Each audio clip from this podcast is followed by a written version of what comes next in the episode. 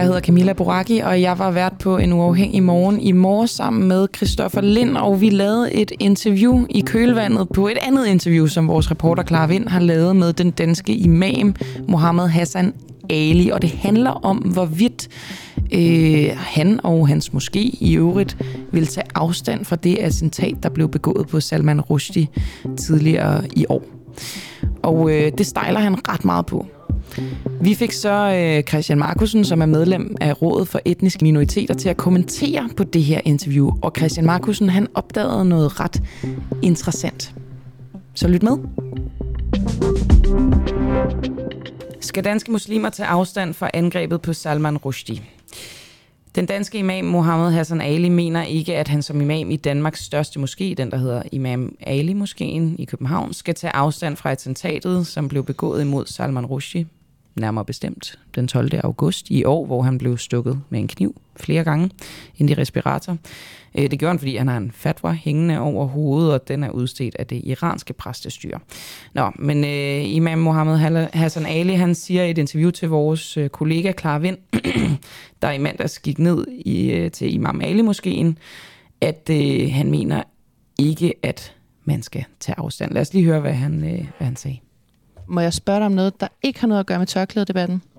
Salman Rushdie? Ja, det har jeg ikke nogen kommentar til. Alt, hvad der er blevet sagt i forbindelse med det, det har Mohammed Khan også taget stilling til, og der har han også fortalt, at han ikke har noget med det at gøre. Okay. Men øh, en, en ting, som, som måske er nødvendigt at påpege, det er, at vi har haft øh, øh, en øh, demonstration herude foran moskeen, hvor de ønsker, at vi skal tage afstand fra, fra forskellige ting og sager. Hvordan kan det være, at vi skal tvinges til at tage afstand fra noget, som en helt almindelig person automatisk og naturligt vil tage afstand fra? Hvorfor skal vi pådute sig at tage afstand fra noget, når alle mennesker ved, at vi tager afstand fra, at uskyldige mennesker bliver udsat for drabsforsøg? Det er jo helt naturligt, at man gør det som menneske. Hvorfor skal vi som muslimer så pådute sig, at nej, I skal tage aktiv standpunkt og sige, at vi tager afstand fra det? Et almindeligt menneske vil vide, at et, et hvert uskyldigt menneske, der bliver udsat for det, man kalder for et drabsforsøg, det er noget, vi tager afstand fra. Jeg gider ikke tage stilling til noget, som I skal komme ind og pådute os. Det skal vi ikke tage stilling til. Det behøves Jeg synes også, der er noget i forhold til det ord, man fordømmer eller skal tvinge nogle andre mennesker til at tage afstand fra. Men når man tænker over det her attentat, der var, øh, så, så det var en dårlig idé, at han blev angrebet. Det har jeg ikke nogen stilling til. Det er igen, nu prøver du at pådue det mig. Nej, jeg spørger, jeg spørger bare. Jeg, jeg, jeg skal ikke tage stilling til noget som helst. Et hvert klartænkende menneske ved, at når der foregår noget i den her stil her, hvor der er et uskyldigt menneske, der bliver udsat for drabsforsøg, så vil enhver klartænkende muslim tage afstand fra det. Men hvorfor vil du så ikke sige det nu, når jeg spørger dig? Jeg føler mig påduttet i forbindelse med det, at du kommer faktisk på at hive en fordømmelse ud af det i forbindelse med, at jeg er muslim, og det her det er foregået rundt omkring i verden, så skal jeg som muslim tage afstand fra det. Jeg ringer jo ikke rundt til folk og siger, at de skal tage afstand, fordi de har et tilhørsforhold, eller de har en fællesnævner med eksempelvis Anders Breivik eksempelvis. Okay, men det er heller ikke, fordi jeg overhovedet vil pådute noget. Det er jo bare fordi, at du... Nå. Hvis du lægger mærke til det, så, så beder du mig, jamen, hvorfor gør du det så ikke? Men jeg tager jo afstand generelt set. Det er jo sikkert at tage afstand fra en specifik episode. Hvorfor skal jeg pådute det som muslim? Det vil jeg overhovedet heller ikke pådute dig. Det gør du, hvis du kan lægge mærke til det. er jeg ked af, hvis jeg gør. Det, det er virkelig ikke det, jeg vil. Du, du, du spørger jo decideret om, hvorfor tager du afstand i forbindelse med det med sammen? Men det er fordi, hvorfor du bliver ved med at nævne det i generelle vendinger. Det, det er også i generelle vendinger, så gør det så gældende således, at et hvert menneske tager afstand fra, når et uskyldigt menneske bliver udsat for drabsforsøg. Hvorfor skal jeg så pådutes det, når jeg har det her generelle princip, at når det kommer til den her enkelte sag, tager du så også afstand? Jamen det gør jo så gældende. Går det ind under den her generelle princip? Hvis det gør det, så behøver jeg ikke at sige mere. Og synes du, Hvorfor det gør det? Så, ja, absolut. Hvorfor skal jeg så pådutes det? Af andre individer. Men det er bare fordi, det er interessant, og i stedet for at man hører det fra alle mulige andre, så, så egentlig snakke med jer, og det er jo også det, for at man får det, du ved, clarified, når man så snakker med jer, fordi det er jo nederen at skulle spørge de og stille de her spørgsmål. snakke om det? Det er igen, vi bliver sat i et dilemma, vi bliver sat i en position, hvor vi bliver sat i bås med det her, det foregået, og så begynder man at trække alle mulige konspirationsteorier om, hvad der foregår, og hvilke tråde måske trækker til. Den her måske den arbejder ihærdigt på at nedbryde barriere, hvorved vi kan samles som samfund. Måske den har også et slogan og et motto, der hedder Imam Ali måske en måske for alle. Der kommer utrolig mange ikke-muslimer i den her moské, og vi arbejder ihærdigt sammen med dem, og vi har et samarbejde med alle mennesker. Der er gennemsigtighed i den her moské. Men det er også derfor, I har en stor stemme. Ja, absolut. Altså, og det er jo derfor, at I, I, jeres stemme er jo også ikke en magthaver, men mm. I, mhm. I har jo en stor stemme for mange mennesker, og det er jo derfor, man synes, mm. det er interessant at høre det fra jer. Mm. Om var det en dårlig idé, at han blev angrebet? Jamen, der, der har vi jo kommet med vores udlæg omkring tingene. Også der med, de trækker tråd med, at han var venner med øh, Mohammed Khani på Facebook, og han eksplicit kommer og siger, jamen, jeg kender ham ikke. Jeg har over altså flere tusind venner på Facebook, altså dem, der nu følger ham, og der er over halvdelen, over 90 procent af dem, han ikke kender personligt. Det synes jeg heller ikke, vi skal gå ind i. Ja. Jeg kunne bare lige tænke mig at spørge sidste gang, om det var en mm. dårlig idé, at Salman Rushdie blev... Nu prøver du på at gøre det der igen. Jeg har jo flået slået fast en gang, at vi, vi, vi har det her generelle princip. Men det er bare fordi, du ikke vil svare på det. Altså. Hvorfor skal jeg gøre det? Jeg føler, at du pådutter mig noget, når du kommer herind og beder mig om at tage afstand fra noget, som jeg helt almindeligt... Ja, det er jo det, du gør. Til det. Ja, det er jo præcis det, du gør. Når jeg engang har sagt, at vi tager afstand fra et hvert uskyldigt menneske, der bliver udsat fra et attentat eller et drabsforsøg, det tager vi afstand fra. Og det er noget, man skal afholde sig fra.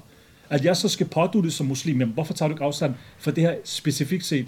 Jeg ringer jo heller ikke til dig og siger, fordi du måske eksempelvis er, nu ved jeg ikke, om du er kristen eller ej, øh, men om du tager øh, afstand fra det, Anders Breivik gør, og så kan det godt være, at du kommer og siger, du har ikke noget problem med, at du vil sige det, men der er ikke nogen, der ringer til dig og gør det. Der er ikke nogen, der beder dig om at gøre det, men det gør de hele tiden med os. Og derfor bliver vi nødt til at tage et standpunkt nu.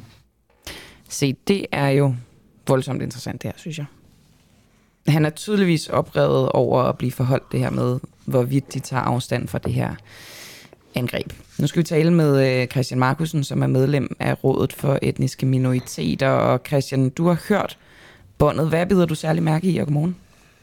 Ja, godmorgen. Øhm, jamen altså, det helt banale er jo selvfølgelig, at der ikke bliver taget specifikt afstand til, øh, til angrebet. Det er jo det, er det første, jeg bemærker.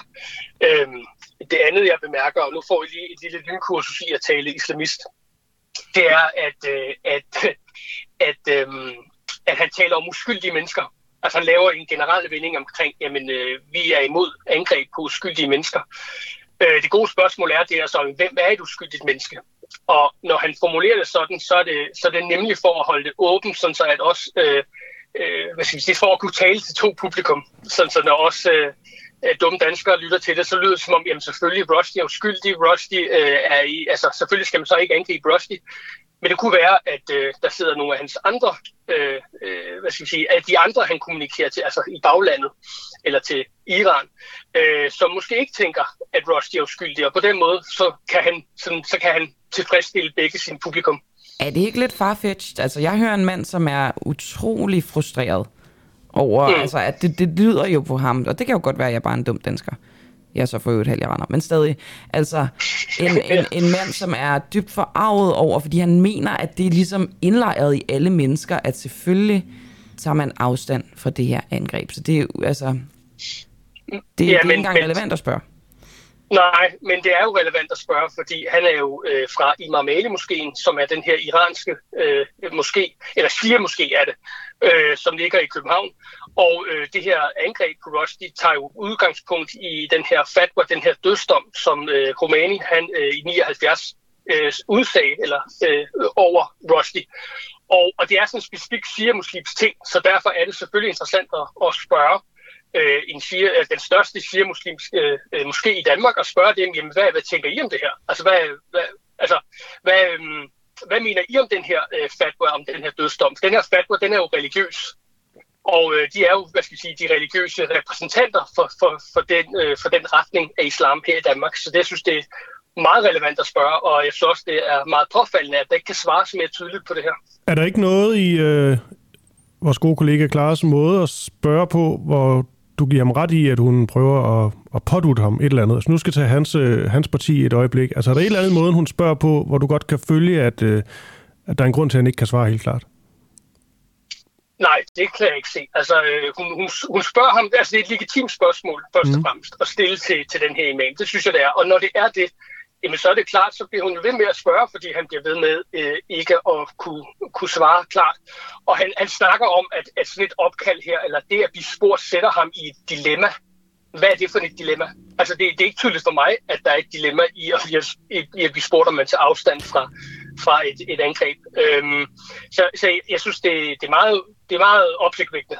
At, så, øh, men så, ikke overraskende, så det, men, men over opsigtsvækkende. Så det gode opfølgende spørgsmål er i virkeligheden, er Salman Rushdie uskyldig? Ja. Interessant. Øh, og, øhm, og, og, og, ja, og det kan jo så godt være, at han så ville være presset ud i at skulle forholde sig til det.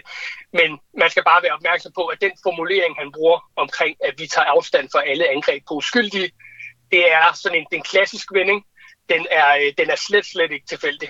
Og det er også derfor, det er den samme vending, han bliver ved med at bruge igen og igen. Øhm, og så håber på, at der ikke er nogen, der opdager det. Altså jeg vil sige, at vores øh, begavede lytter, Birgitte Winterberg, taler åbenbart islamist ligesom dig, fordi hun skriver også det der, læg mærke til, altså det var før du sagde det, hans retorik, et uskyldigt menneske, men det mener muslimer jo ikke, er. Øhm, Ej, det vil jeg så gerne sige. Det er jo, nej, men det er jo det. Det er jo det. Det er jo det, fordi det var egentlig det, der ville, ville øh, lede mig frem til mit næste spørgsmål. At det her, øh, du kalder det et legitimt spørgsmål til øh, imamen her, altså Mohammed Hassan Ali, er det et legitimt ja. spørgsmål til alle muslimer? Nej, det, altså, nej, det synes jeg ikke, det er. Øh, jeg plejer selv at, øh, at sige, at jeg synes, det er legitimt at stille den slags spørgsmål øh, til pra- øh, praktiserende øh, muslimske meningsdannere.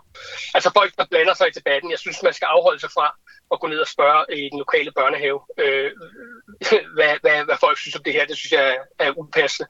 Men når folk er i debatten, når folk er meningsdannere, og, øh, og, og udtaler sig på et trosamfunds vegne, eller på, på egne vegne i debatten, så synes jeg, at så er det selvfølgelig et fair game at, at spørge dem, hvad de så mener om det her. Og det er øh, ikke altid, man får de øh, klare svar, man kunne have håbet.